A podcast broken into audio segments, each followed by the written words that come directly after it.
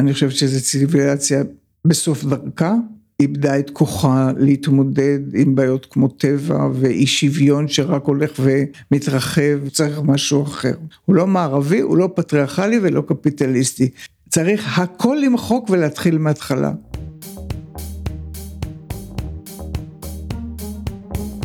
המצב הפוסט-אנושי, פודקאסט על טכנולוגיה, תרבות ורוח, עם דוקטור כרמל וייסמן.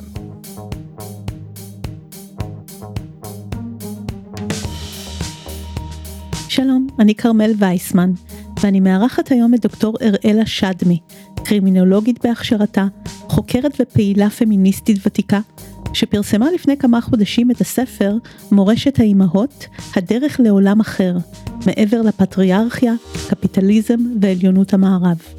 הספר יצא בהוצאת פרדס, והוא תוצר של 20 שנות מחקר וחשיבה של אראלה על תשתית לעתיד טוב יותר. השיחה הייתה כמו כל פרקי הפודקאסט שתשמעו השנה, הוקלטה בקיץ, הרבה לפני שביעי לעשירי. אבל דווקא הפרק הזה רלוונטי מתמיד בעיניי, ואני אחבר את זה למצב שלנו כרגע בקריינות. בואו נתחיל. Self-destruct initiated. אחת הביקורות שמהם אני יוצאת, זה קודם כל מה שאני קוראת קריסת תרבות הציוויליזציה המערבית.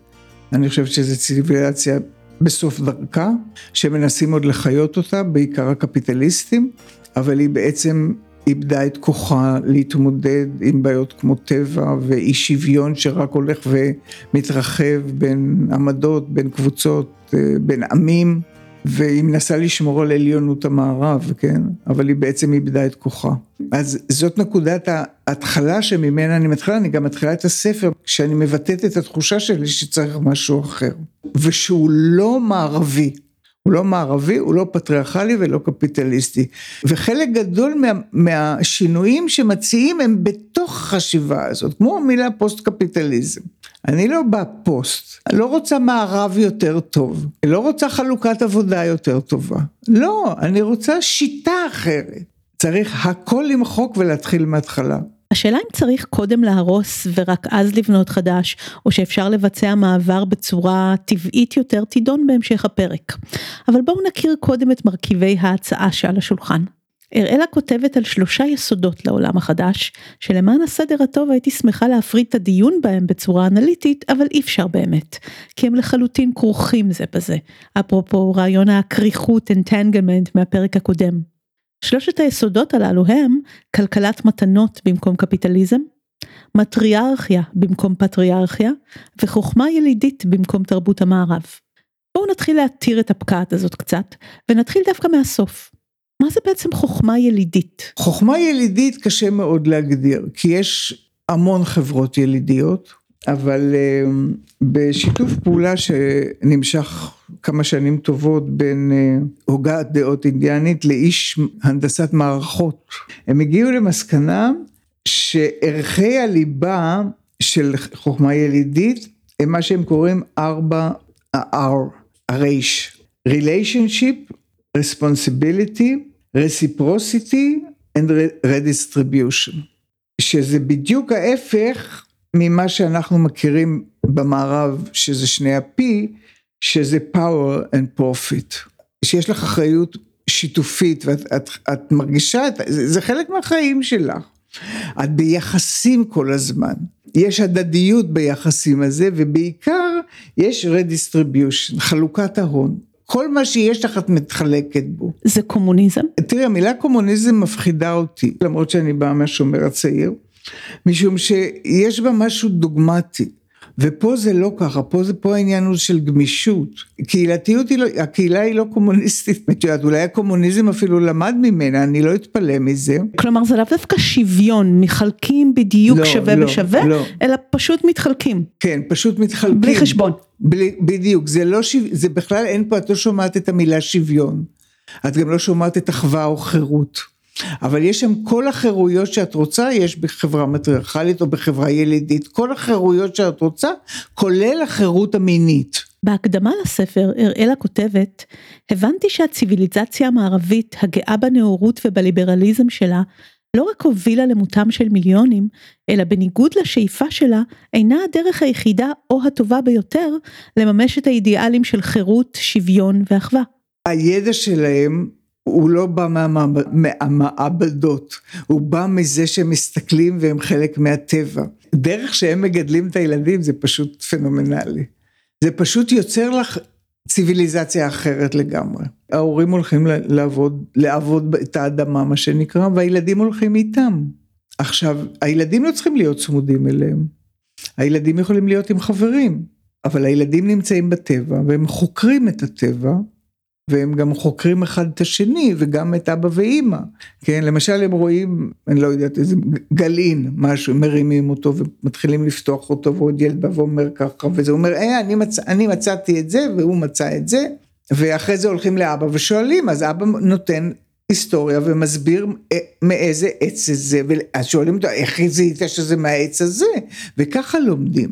יהיה לנו קשה מאוד לחזור למצב כזה, אבל אפשר לחזור, לחשוב מחדש על איך צריך להיות בית הספר. מוכרחה להגיד, העניין הזה של הקשר לטבע הוא נורא חשוב. כי נראה שהתרחקנו יותר מדי, שאפילו כאילו כשאנחנו מדמיינות לאיפה צריך לחזור, אנחנו לא מוצאות את האדמה תרתי משמע. שזה אנחנו איבדנו לגמרי. הטבע בשבילנו הוא חומר מת שעלינו לנצל כמה שיותר. זה הגישה המערבית והפטריארכלית. אז לא, טבע זה משהו ששם ליהנות ממנו, להבין אותו, להיות איתו בתקשורת, ללמוד ממנו המון אפשר. את מבינה שבית הספר יישב בטבע למשל, ולא בבניין של חמש קומות עם מדרגות. עוד נחזור לילדים מכיוון אחר של הפקעת, אבל בואו נדבר על עיקרון היסוד השני בשלב הזה, מטריארכיה.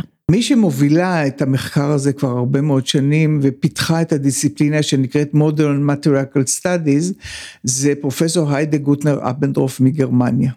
והיא הוציאה עכשיו ספר שכולו מתבסס על חומרים ארכיאולוגיים היא מראה בחומרים הארכיאולוגיים איך כולם ידעו על זה כבר אז, על המטריארכיה, וחיו לפי מטריארכיה. ומטריארכיה היא לא ההפך מפטריארכיה, מטריארכיה זה חברה שוויונית, חברה שבנויה על כבוד אחד לשני, וכבוד, כל אחד יכול לשמור על הייחוד שלו. בדרך כלל זה קהילות לא גדולות, שיש בהן הרבה שותפות והרבה תמיכה הדדית, והרבה הרבה כבוד לטבע. נשים לא שולטות במטריארכיה, אם כי נשים הן דמויות בולטות במטריארכיה, נשים ואימהות, בעיקר כשאתה אם הזקנה, אז את הופכת לכאילו למין ראשת המטריארכיה. חברתי, שאני כותבת, מצטטת אותה הרבה, אה, דוקטור אה, ברברה אליסמן, היסטוריונית מאוד ידועה, אמריקאית מאוד ידועה, והיא אה, צאצאית העיר ריקואה. והיא כותבת הרבה מאוד על יריקוע. והיא עכשיו, בגיל 75, לקראת הפנסיה שלה, וסוף סוף רוצה חופש, היא עכשיו המטריארכית של השבט שלה, כי היא הזקנה בשבט שלה, וזה אוטומטית את מקבלת את זה, ברגע שהזקנה הקודמת נפטרה. זה כבוד שנותנים הרבה דברים, היא, היא הבורר, אבל אין חובה לקבל את דעתה. לטענת היסטוריונים כמוה, האנושות רוב השנים חיו במטריארכיות. ובספר החדש של היידה היא בדיוק מראה איך התחיל הפטריארכיה במקומות שונים. מסתבר שזה לא דבר שנוצר בבת אחת בכל העולם, זאת אומרת בכל אזור זה, זה התפתח מסיבות מקומיות. בכל אופן, מטריארכיה נותנת לנו מודל של חיים שלדעתי הוא, אותי הוא מהפנט. וברברה למשל אומרת לי בכנות, תשמעי, אני גדלתי ברעב, לא היה לנו כסף, אבל זו הייתה קהילה יחד. יש אגב חוקרת אה, אמריקאית מדהימה, שכל המחקר שלה הוא על גידול ילדים ילידים, אצל ילדים. ובעצם היא מלמדת את נשות המערב מה הטעויות שהן עושות. והיא קוראת לספר שלה, נדמה לי, הסאבטייטל זה מגידול ילדים למבוגרים אחראים, משהו כזה. קוראים לה דרשיה נרוואז. אז אני חושבת שגם מה שברברה אומרת לי, זה לא משנה אם הייתי רבע או לא. אני גדלתי בשבט שבו גיד, גידול הילדים היה מרכז והיה חשוב ונעשה בצורה מאוד אחראית ומאוד, אין להם שם ענישה למשל, אין שם אלימות למשל. אז המטריארכיה היא, היא, היא מודל אה, היסטורי ש, שאגב היום מאוד מתחדש. אבל הדגש שלי הוא על קהילה של שותפות ושל אחריות הדדית, כולל אחריות הדדית לגידול הילדים. זה לא עולם של משפחה גרעינית. זה יותר כמו הפתגם It takes a village, דרוש כפר כדי לגדל ילד. אבל האימהות היא עמדת מפתח בסיפור הזה. והיא עוברת כחוט השני בין שלושת היסודות שמרכיבים את הפקעת שלנו. לספר של אראלה גם קוראים מורשת האימהות, הדרך לעולם אחר. ואפשר לחשוב על העולם הזה שהיא מציעה כעל עולם שמנוהל על פי אתיקה אימהית וידע אימהי. כולנו לומדים על תכנון. תכנון זה דבר מאוד מרכזי בעולם המערבי בכלל, ובטח ב... בהרבה מאוד מקצועות מדעיים, אה, תכנון לטווח ארוך, תכנון לטווח קצר, איך מתכננים, בעסקים, מי שעושות את תכנון כל הזמן, ומצליחות בזה בצורה יוצאת דופן, זה האימהות. זאת אומרת, את צריכה לתכנן גם מה יקרה לבת שלך בגיל 18, או מה את מאחלת לה בגיל 18, ולהכין אותה לשם, אבל גם איזה דייסה לעשות לה היום, ומה היא רוצה מחרתיים. זאת אומרת, נשים עוסקות בתכנון כל הזמן. שזה ידע טבעי, זה, זה ידע מתוך הסתכלות, מתוך התבוננות, מתוך uh, התנסות, שזה ידע ילידי. ראית איזשהו מחקר שבודק תכנון של אימהות? אני חיפשתי, לא מצאתי אף מחקר כזה. אבל זכרו, מטריארכיה היא לא תמונת ראי הפוכה לפטריארכיה, שבה הנשים שולטות ואימהות מנהלות את החברה. האתוס והידע האימהי הוא לא רק נחלת נשים. לכן אגב אה, המציאה ז'נביב את המושג mother er, mother ER.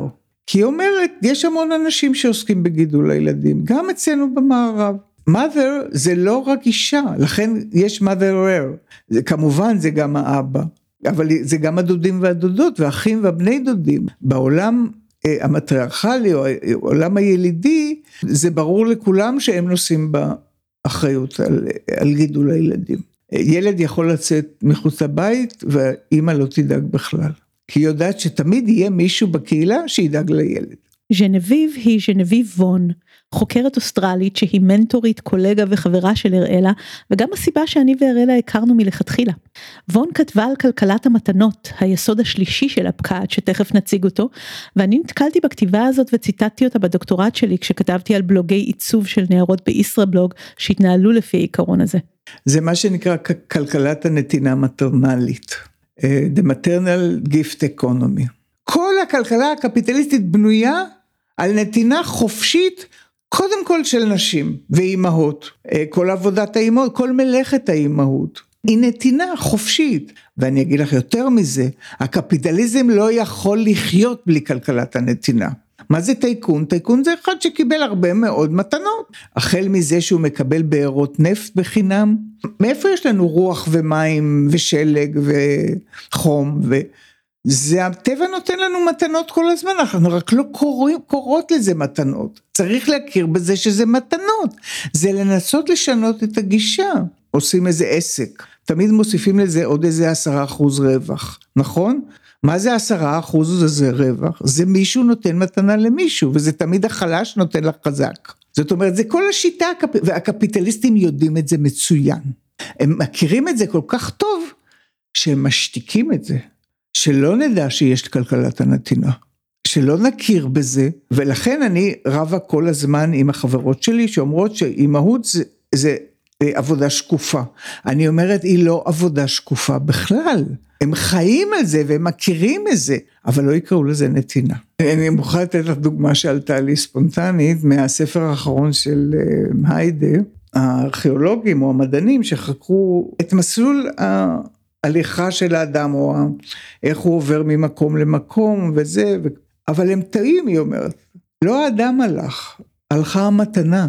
זאת אומרת, מישהו נתן, היום נגיד בקבוק יין במילים מודרניות לחבר שלו, החבר שלו אמר תודה, לקח את הבקבוק יין והלך לדרכו, ושם הוא נתן חצי בקבוק לאדם שלישי, אז אנחנו חושבים שבן אדם עשה את זה, אבל זה בעצם המתנה עשתה את זה. זאת אומרת, אנחנו לא רואים אפילו את המתנה, איך היא זזה ואיך היא מתקיימת בכל מקום. בפרק 32 פרופסור רן ברקאי טען שלא האדם הוא זה שנדד אלא הפילים והאנשים רק הלכו בעקבותיהם. עכשיו אנחנו מוסיפים לרעיון הזה נקודת מבט של חפץ, המתנה. בדומה לאופן שבו פרופסור תמר אלאור הציע לנו לדובב חפצים בפרק הקודם, נראה שגם כאן יש לנו איזושהי entanglement בשאלה של האג'נסי הקדמוני בין אדם, חיה וחפץ. אבל בואו נחזור לכלכלת המתנות. לא מדובר באיזה חזון רומנטי ונאיבי, אנחנו מכירים דברים כאלה, גם היום, גם כאן אצלנו. יש אגב המון יסודות אה, של מטריארכיה או של נתינה ביהדות, כל חברת הצדקה. בספר הזה לא ממש פיתחתי את זה, אבל יש לי מאמר מאוד גדול על מערכת הצדקה, והיא מתקיימת בתוך קהילה. יש כאלה שטוענים שמה שהציל את היהדות לאורך דורות, דורות זה הקהילתיות. החיים בקהילות קטנות שבה יש תמיכה הדדית כל הזמן. וצדקה היא חלק מאוד מרכזי מזה, כי צדקה זה, זה כלכלת הנתינה היהודית. שאנחנו כמובן איבדנו אותה. זאת אומרת, אנחנו החילונים, כי אני חושבת שהרבה מאוד מהחרדים שומרים אותה. זה בעצם מנוגד להיגיון של כלכלת חליפין, אנחנו מדברות על חליפין. זה מה שז'נביב יוצאת ממנו, זה היא אומרת הבעיה הכי גדולה זה לא קפיטליזם וזה לא כסף, זה, זה עיקרון החליפין. זאת הבעיה ש, שמסדרת לנו את כל הראש ואנחנו פועלים בכל מקום בעיקרון החליפין. לא, לשים לזה סוף. אנחנו יוצאים מחוץ לעיקרון החליפין. כלומר, אני יכולה לתרגל את זה אפילו בקטנה, בחוסר חשבונאות הזאת, נגיד אני הולכת לחתונה ונותנת צ'ק למישהו שלא היה בחתונה שלי ולא נתן לי צ'ק, לעזאזל, לא חושבת על זה אפילו. אני אכלתי משהו, אני מוציאה החוצה, אני אתן לאיזה הומלס ברחוב. ואולי אפילו, אולי זה יכול להיות עצה להסתכל, לחשוב בצורה אימהית על אנשים סביבי? כן, ממש ככה, זה בדיוק הנקודה. לכן זה נקרא כלכלת הנתינה האימהית. האמא מגיבה לצורכי התינוק או התינוקת, והיא נותנת בהתאם לצרכים שלו, לא בהתאם לצרכים שלה, שזה אגואיזם. וזה מה שאנחנו עושים לרוב. אנחנו נותנים בהתאם לצרכים שלי. אני רוצה עכשיו להיות חברה של זה, אז אני אתן לה משהו ואני אזמין אותה לסרט. לא, אני אתן כי זה מה שהיא צריכה, זה להיות other oriented. את יודעת מה זה מזכיר לי? את מכירה את מסעות ליבינגסטון באפריקה? אחד מספרי הילדות הכי אהובים עליי, אף אחד לא מזכיר את זה. ליבינגסטון היה כמובן לורד בריטי נחמד מאוד, שהחליט שהוא יוצא לטיול באפריקה. אמרו לו, משוגע, איך תחיה באפריקה? זה זה וזה, אני אסתדר. הוא הלך באפריקה, ו... ושם גרים באוהלים, והוא בא עם, ה... עם העניבה, עם הז'קט, עם הזה, פוגש אנשים, ואנשים אומרים, אומרים לו שלום, בשפה שלהם, אומרים לו שלום. אתה רוצה מים? כן, אני רוצה מים. יש לך איפה לישון? לא. בוא תיכנס, נותנים לו. בקיצור, זה סיפור שלם על איך מארחים אותו יפה, בלי, ש... בלי שיש ביניהם שפה ובלי ש... הכל יסתדר טוב. והוא חזר בשלום לאנגליה, מאושר לגמרי. זה בכל אופן מה שזכור לי מהסיפור, זה בדיוק נתינה. אף אחד לא חיפש ממנו משהו, לא ביקשו תמורה על מה שהם נותנים. וככה כולנו צריכים להתנהג. עכשיו אנחנו לא מסוגלים, כי הכסף הוא חלק מהבעיה. הכסף מכניס אותנו לחשבונות האלה. כל הזמן כמה זה עלה, כמו שאמרת, צ'ק חתונה. כל הזמן אנחנו בחשבונות האלה. אם אני נותנת לך את זה, מה תתני לי, וזה זה. יש באמת דברים חדשים שעולים, אפילו בסביבה הטכנולוגית שיש להם כביכול את ההיגיון הזה.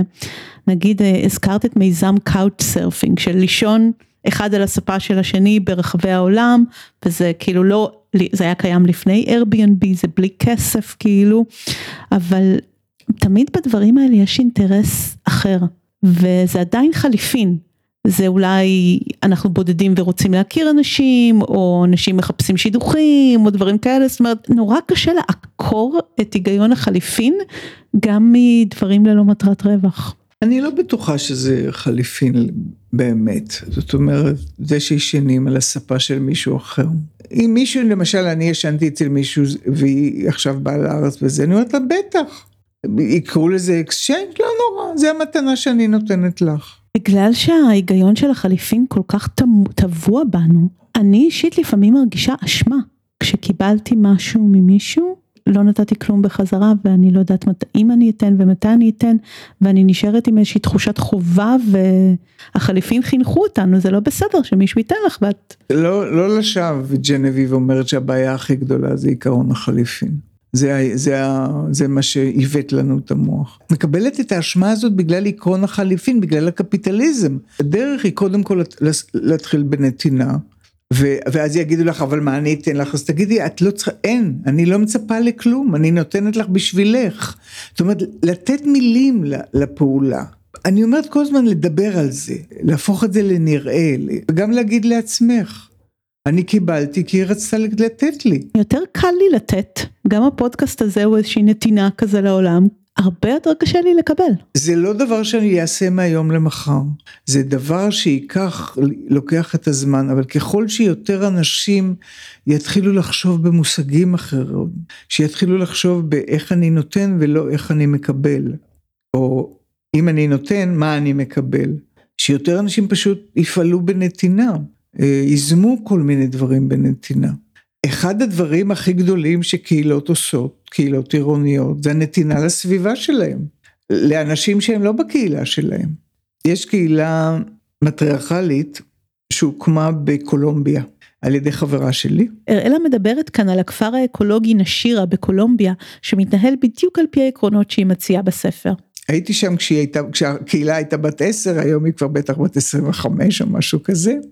ואחד הדברים שאמרתי לחברה שלי, אנג'לה, שהקימה את זה, והיא קיבלה על זה אגב את uh, פרס ישראל של uh, קולומביה, אמרתי, תראי, תראי מה היא תורמת לערים על ידה.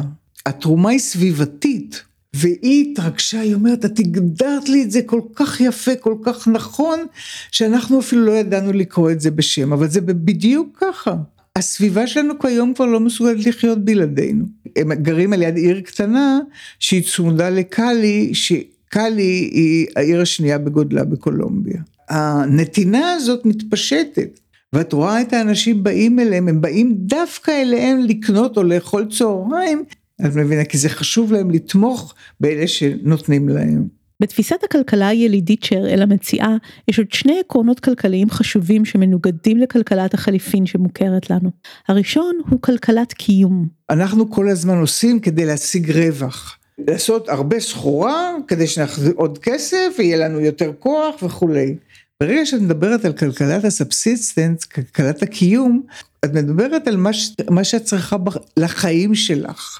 ולחיים שלך את לא צריכה, אז מה אם יש, אם יש לאילון מאסק אה, שלושה מיליארד או חמישה מיליארד בזה, אז מה, מה זה עושה אותו? מחר יהיה מישהו שישיג אותו, אז מה הוא יהיה?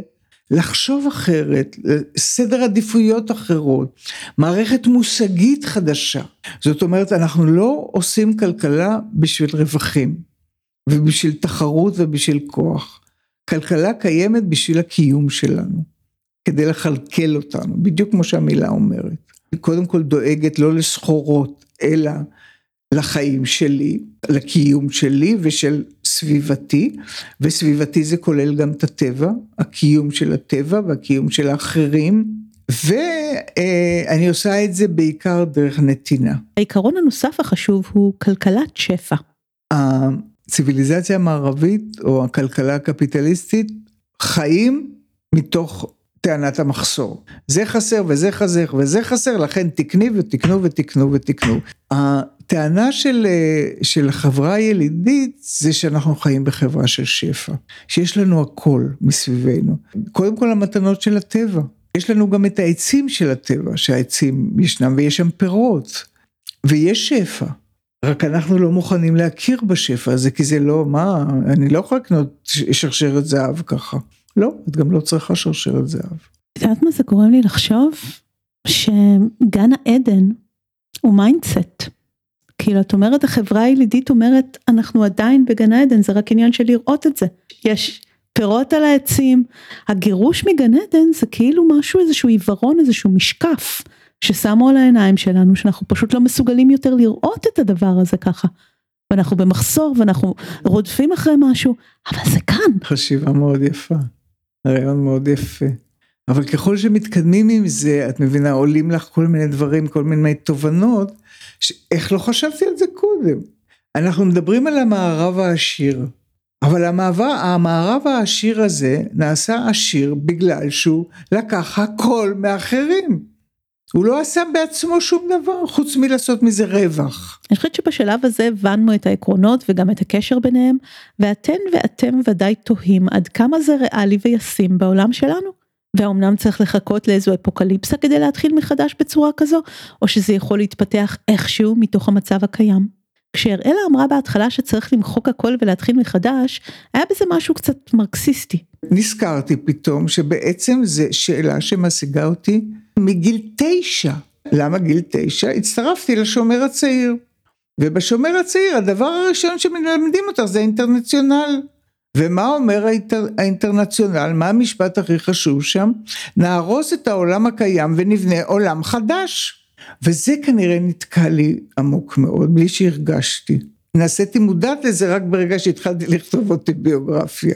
אבל בפועל מתרחש כבר הרבה זמן תהליך של חלחול של העולם הילידי לתרבות המערב, שגם פרופסור עמית צורן דיבר עליו בפרק 42. בניו יורק כבר יש אוניברסיטה וזה מתחיל להתפשט, שהכניסו לפקולטה Indigenous Studies. את רואה שהידע הילידי מתחיל להיכנס גם לאוניברסיטאות, בעיקר בקנדה ובארצות הברית. כמו שהעניין שמי שדיבר על רוחניות, כשאני הייתי בשומר הצעיר חשבו שהוא משוגע.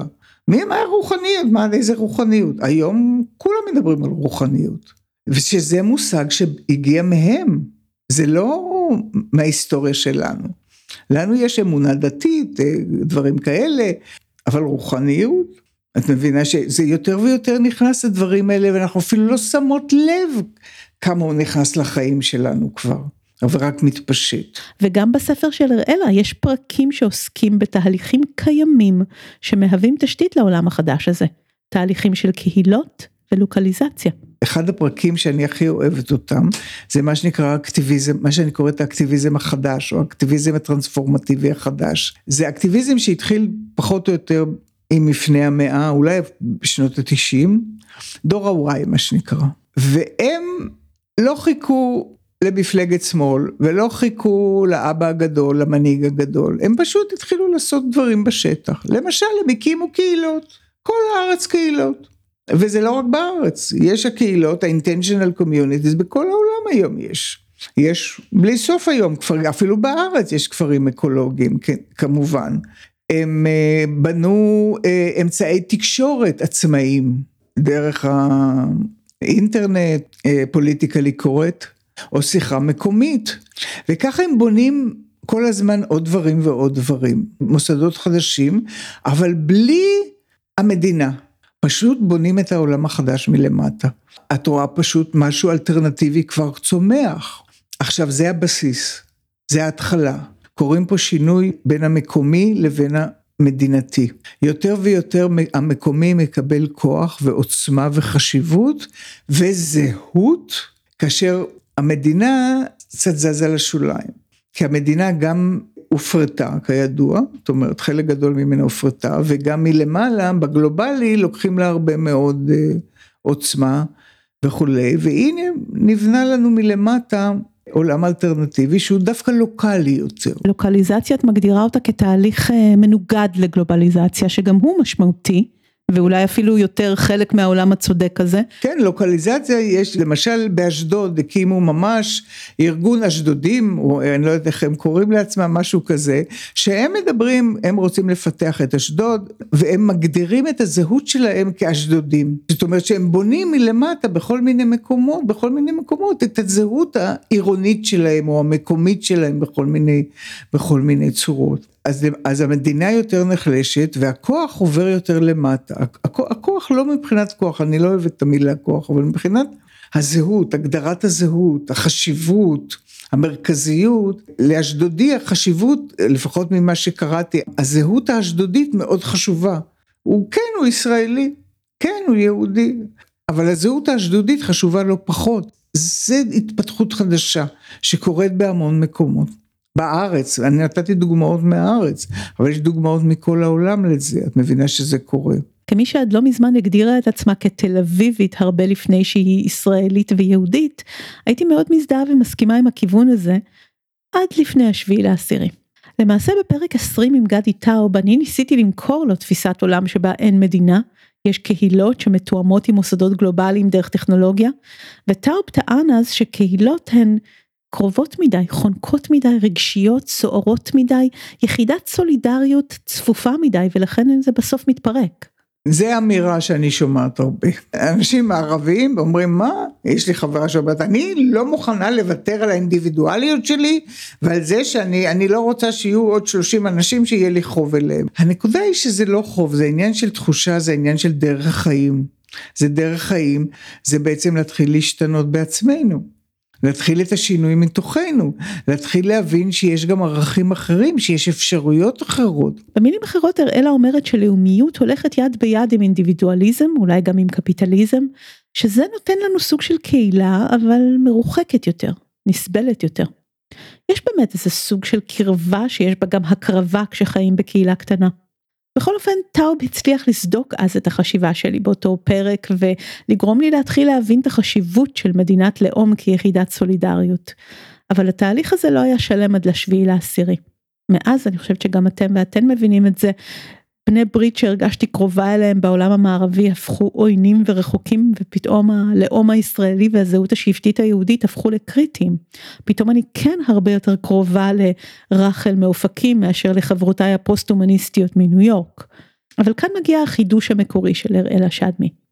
בניגוד לקולגות שלה בעולם הפוסט-לאומי שבאמת חושבות על עולם שבנוי קהילות בלבד, אראלה כן מכירה בחשיבות המדינה ומכניסה אותה לסיפור. זו פשוט מדינה שעובדת אחרת ויש לה תפקיד שונה בעולם של קהילות. בגישה של היידה אין מדינה. יש קהילות ויש גלובל. ואני הכנסתי מדינה, והיא אמרה לי, מה פתאום הכנסת מדינה? אז אמרתי לה, כי אי אפשר לקפוץ מקהילה של אה, אה, 100 אנשים לגלובלי. למשל, קהילה לא יכולה לבנות נמל. אז מה, נהיה תקועים בבית? אז צריך מדינה, ואנחנו צריכים להגדיר אותה מחדש. אני משתמשת בדוגמה של ונצואלה, מדינה קהילתית, שאומנם האמריקאים כל כך נבהלו מהדגם הכל כך מצליח הזה, שהם עשו הכל כדי להרוס אותם. והם הצליחו להרוס אותם, אבל המודל קיים, זה היה הרעיון של שווה, זה הייתה גדולתו. זה, זה נקרא מדינה קהילתית, communal state. יכול להיות שזה גרם לכם ולכן ככה להרים גבה איזושהי תמיכה בצ'אבז שאנחנו רגילים לחשוב עליו בתור מישהו שהרס את ונצואלה אולי, שווה לקרוא. את התפיסה הזאת בספר של אראלה, יש לה תפיסה אחרת לגבי מה שצ'אבס ניסה לעשות, ואני פתוחה לרעיון הזה שאולי אנחנו נהיינו אוטומטית נגדו בגלל איזושהי תפיסה קפיטליסטית מערבית אמריקאית. המדינה הקהילתית של שווס זה כמו שאחד החוקרים הגדיר אותה, היא עובדת מלמטה ומ, ומלמעלה. מה זאת אומרת? אנחנו מדברים כל הזמן במונחים של מדינה, של דמוקרטיה ייצוגית. אני חושב שזה אסור וזה בבלת. אנחנו צריכים אה, דמוקרטיה שיתופית, שכולנו שותפים לקבלת החלטות. והמושג היסוד שם הוא גראס רוץ, שזה מושג אינדיאני. מה קורה בשטח? מה עולה מלמטה? זה לקוח מתוך הסכם השלום של האיריקו, אני לא אכנס כרגע לזה. אבל מי שקראו את הסכם השלום של האיריקו, תאמיני או לא, זה אלה שחוקקו את החוקה האמריקאית. ומה שהם קלטו זה בדיוק את העניין של גראס רוץ. זה הכי חשוב להם. מה זה אומר? זה אומר שההחלטות צריכות להיות שותפ... משותפות על ידי כל האזרחים. הם עשו בחוקה, זאת אומרת הם לקחו את הרעיון של גרס רוץ, אבל בנו את הדמוקרטיה הייצוגית. מה עשה שווס? הוא אומר אני בונה הכל שיהיה קהילות, קהילות סטודנטים, קהילות נשים, קהילות ילדים, קהילות הורים, קהילות בעבודה, קהילות פועלים, מכל הסוגים, מכל המינים, בכל, בכל רחבי ונצואלה. תפקיד המדינה זה לעזור לקהילות לחיות, לאפשר להם את, החי... את קבלת החלטות שלהם, את החיים החופשיים שלהם. במקרים מסוימים, למשל, כמו שצריך לבנות נמל, אז המדינה תבנה את הנמל. או, או לבנות אוניברסיטה אפילו. באמצע יש, יש קהילות ויש אזורים, איזור מה שנקרא. האיזור התחיל כבר בארץ, אצלנו. כשדרעי היה שר הפנים פעם קודמת, הפקידות שלו העלו לו את רעיון האיזור, זונינג, לחלק את הארץ לאזורים, בכל אזור שיהיו קהילות שונות, והם מקבלים את ההחלטות ביניהם, והוא הקים אז שני, שני אזורים, הוא הקים את אזור אה, ראש פינה, והוא הקים את אזור עכו. אה, אני לא יודעת איך זה פועל עד היום או איך זה זה, אבל אני דיברתי עם חברה מקיבוץ כפר הנשיא, שזה אזור אה, ראש פינה, והיא אמרה כן, זה פועל אצלנו, ובהחלט ההחלטות מתקבלות באזור. אני לא רוצה את המדינה כמו היום, שהיא תהיה גם הלאומיות, הזהות שלי, וגם האחראית על הרווחה ועל החינוך שלי וכולי, לא, יש לי קהילה, ויש לי אזור, ואני אעשה את זה במקום שלי ובאזור שלי ועם האמצעים שלנו, והמדינה תעזור כמה שהיא יכולה לכל מקום או למי שצריך יותר. שוב, העניין הזה של לענות, להגיב לפי הצרכים של האחר. אתה רואה, יש פה המון עקרונות שהולכים ביחד. זה דורש מאיתנו שינוי מאוד גדול, ולכן לאדם המערבי נורא קשה לקבל את זה. הרי אי אפשר לקחת עם של 50 אה, אלף, אפילו של 5,000, ולהגיד תקבלו החלטה.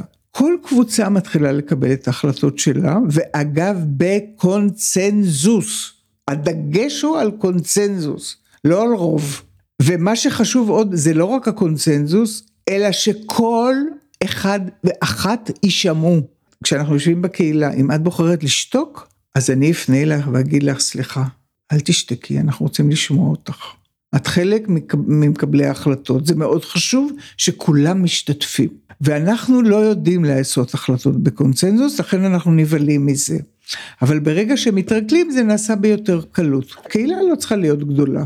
אגב, כל קהילה שגדלה מדי, היא מתחלקת לשתיים. קבלת החלטות מתחילה בקהילה, ועוברת לאזור, ובאזור מקבל, שומעים את כל הקהילות ומחליטים מה משותף להם, והולכים איתו, ועושים קונצנזוס מסביב לזה. ואת זה מעבירים הלאה, עד לרמת המדינה, ואז כולם בעצם משתתפים בצורה זו או אחרת. אה, עכשיו, לאלה שמייצגים את הקהילה שלי באזור, הם לא יכולים לזוז ימינה ושמאלה מה, מההחלטה של הקהילה. אם הם צריכים לזוז ימינה או שמאלה, הם יחזרו לקהילה ויגידו, תראו, זו הבעיה. מחכים עד שיגיעו לקונצנזוס. יש הטוענים שאין לנו זמן, אנחנו לא חיים בעולם הילידי האיטי יותר, יש החלטות שצריך לקבל עכשיו, תוקפים. מלחמה או לא מלחמה?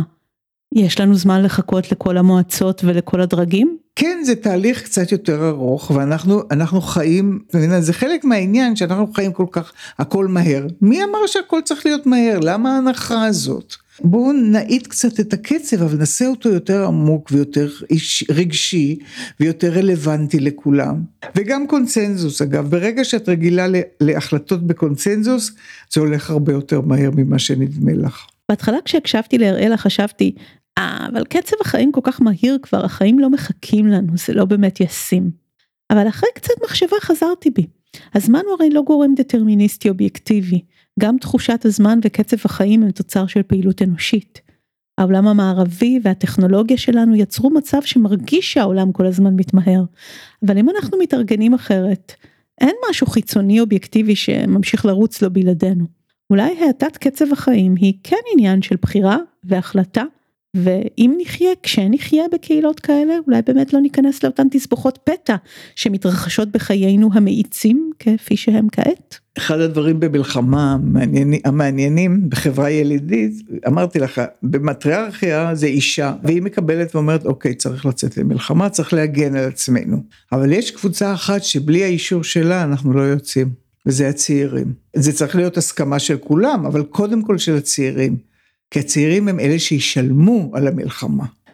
כל החשיבה פה היא אחרת לגמרי, גם, גם ביציאה למלחמה. הנקודה היא שאם את מתנהלת בקהילה, לדעתי אין לך דברים כאלה שקורים ככה. מה שהראלה מנסה לומר זה שבעולם שמתנהל בקהילות מלחמות מתנהלות אחרת.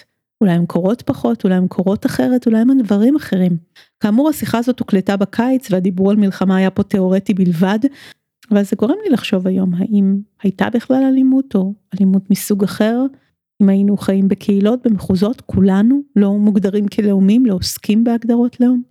וזה גורם לי לחשוב על תפקיד האינטרנט. בשנות התשעים הוא היה אמור להיות חלק מעולם חדש שתואם הרבה יותר את העולם הילידי.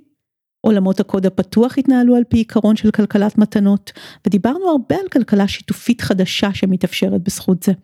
רק שהלוגיקה בבסיס לא באמת התחלפה, ואז השיתופיות הפכה לכיסוי לניצול ועבודת חינם. אבל האינטרנט כן החזיר לחיינו את הקהילות הקטנות. ותהיתי אם אפשר לקיים את המודל הקהילתי הילידי הזה גם ברשת בקהילות וירטואליות. למשל, אראלה סיפרה לי משהו שקרה לה בקהילת נשירה בקולומביה. הייתה לי חוויה שם שאני לא אשכח אותה לעולם. אני ישבתי, אכלתי צהריים, והרגשתי לא טוב. אז אמרתי, סליחה, אה, וקמתי והלכתי לכיוון החדר שלי. תוך חצי דקה הגיעו שני צעירים, בני עשר או אחת עשרה, והם מדברים ספרדית ואני אנגלית. הם אומרים, אראלה, are you okay? hold me, hold me. הם הבינו שקרה, רק מזה שאני קמתי והם ראו, הם שיחקו שם. ואני אומרת, רק הסיפור הזה מראה איזה רגישות מתפתחת כשאת חיה בקהילה. ולאכפתיות ולאחריות שאת לוקחת, בגיל עשר הם היו, הם עשו את זה כבר. הם באמת הביאו אותי למיטה, שראו שאני שוכבת במיטה, כי אף כולם היו בעבודה או בכל מיני דברים כאלה. ואחרי איזה שעה, שעתיים הם באו לראות אם אני בסדר. זה פשוט לא ייאמן. את יכולה לחשוב על ילדים סתם, שבקושי מכירים אותך, הם לא דוברים את השפה שלך אפילו. עושים את זה ככה כשהם, כשאת מרגישה לא טוב ברחוב? לחיות בקהילה כזאת זה לא עובד לי בקהילה וירטואלית, נכון? היא לא יפתח לי את ה mindset הזה שאת מדברת עליו. למה לא?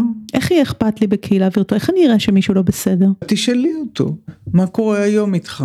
האם אתה זקוק למשהו היום? הכל יכול להיות בווירטואלי. נכון שאני אישית חושב, אני חושבת שצריך לחזור בעוצמה לקהילות ממשיות, אבל זה לא מבטל את הקהילות הווירטואליות. ברגע שאת מדברת על אותם ערכים, בבסיס החשיבה שלך או בבסיס ההתייחסות שלך, אז, אז גם בווירטואלי זה יכול לקבל את המימוש שלו. שאלה פשוטה של אה, ממש, איזה מתנה אתה צריך היום. הדרך לעולם אחר ששואבת מחוכמה ילידית מטריארכלית, מסתדרת עם פוסט-הומניזם ביקורתי. כזה שמבקש להזיז את האדם מהמרכז, לקשור אותו חזרה לטבע, אבל היא מנוגדת לטרנס-הומניזם, לאופן שבו טכנולוגיה מפותחת כיום, שבעצם ממשיכה את עליונות של האדם המערבי, מנסה להגדיל אותה. אז הראלה לא פוסל לטכנולוגיה פר סה. אני לא נגד טכנולוגיה. כל דור והטכנולוגיה שלו, וצריך להבין למה ולשם מה זה פותח, או, ומה זה משרת אותנו וכל זה.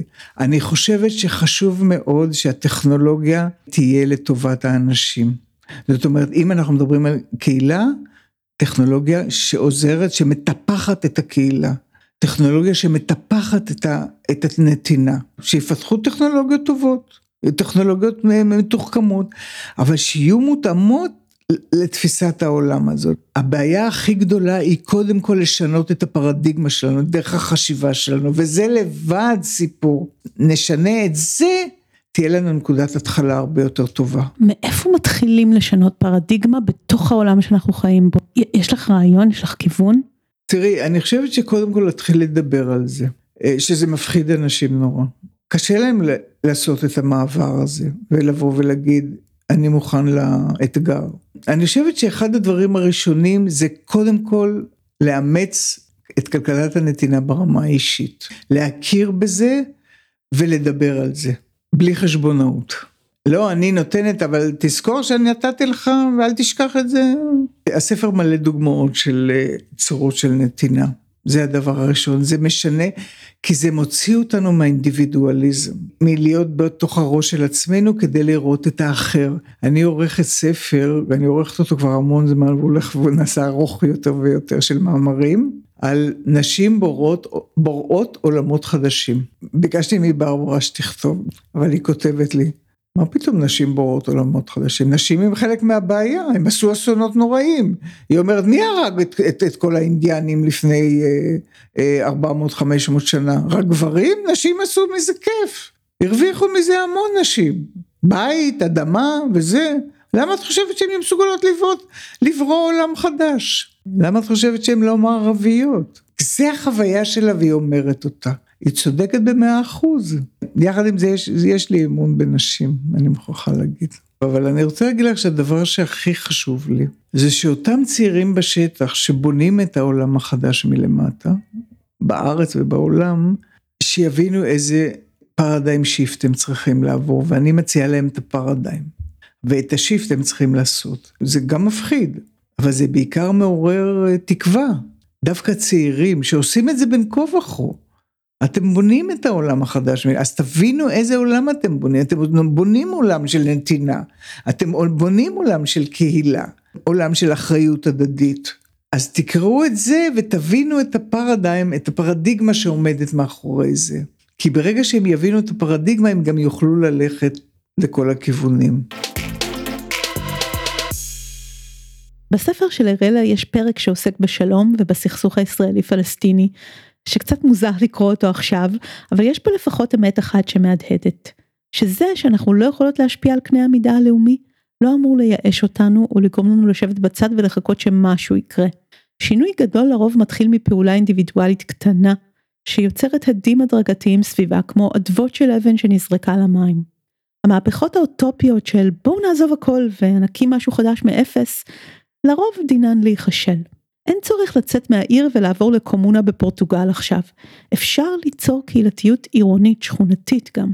וגם כלכלת נתינה לא צריכה לחכות שלוגיקת החליפין תיעלם מהעולם. כל זה מתחיל תמיד בצעד אישי וקטן, בחיים שלך, כלפי המשפחה שלך, השכנים בבניין שלך. זה לחיות מתוך נדיבות בלי לצפות שאחרים יחזירו באותה מטבע. וזה לנסות לראות את השפע בחיים שלך ולהודות עליו במקום לכעוס כל הזמן על מה שאין. אנחנו מדברים הרבה על כמה שהמדינה לא מתפקדת בימים האלה. אבל אולי יש גם בחוסר תפקוד הזה איזו נקודת אור. הרי זה חשף את התשתיות הקהילתיות המדהימות שנוצרו בחברה האזרחית שלנו, שמושתתות על כלכלת מתנות נדיבה. ואולי התשתיות האלה יתמצקו לכדי סדר חדש, שהולך בכיוון החוכמה הילידית שהראלה חולמת? עד כאן להפעם. בפרק הבא נמשיך את הקו הכלכלי, נצלול לשורשי הקפיטליזם ונדבר על הפוסט שלו. אם אתם ואתן אוהבים את הפודקאסט, היו נדיבים ושתפו אותו עם אחרים ואחרות, דרגו אותו חמישה כוכבים בספוטיפיי או אפל פודקאסט, ותעזרו גם לו לעשות עוד אדוות בעולם. להשתמע בפרק הבא.